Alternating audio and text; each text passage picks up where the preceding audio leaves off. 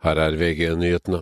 Dyrevernalliansen har fått over 17 000 signaturer på et opprop om å forby besittelse av overgrepsmateriale av dyr. Folk er rasende, og vi mener at det politiske Norge nå må forstå at straffeloven er i utakt med folkemeningen. Det sier kommunikasjonsleder Live Kleveland i Dyrevernalliansen.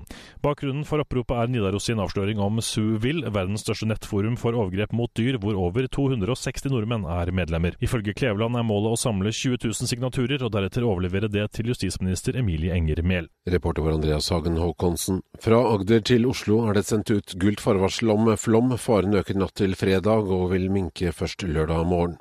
Avgjørelsen om hvorvidt Julian Assange får anke vedtaket om å utlevere ham til britisk høyesterett kommer tidligst i begynnelsen av mars.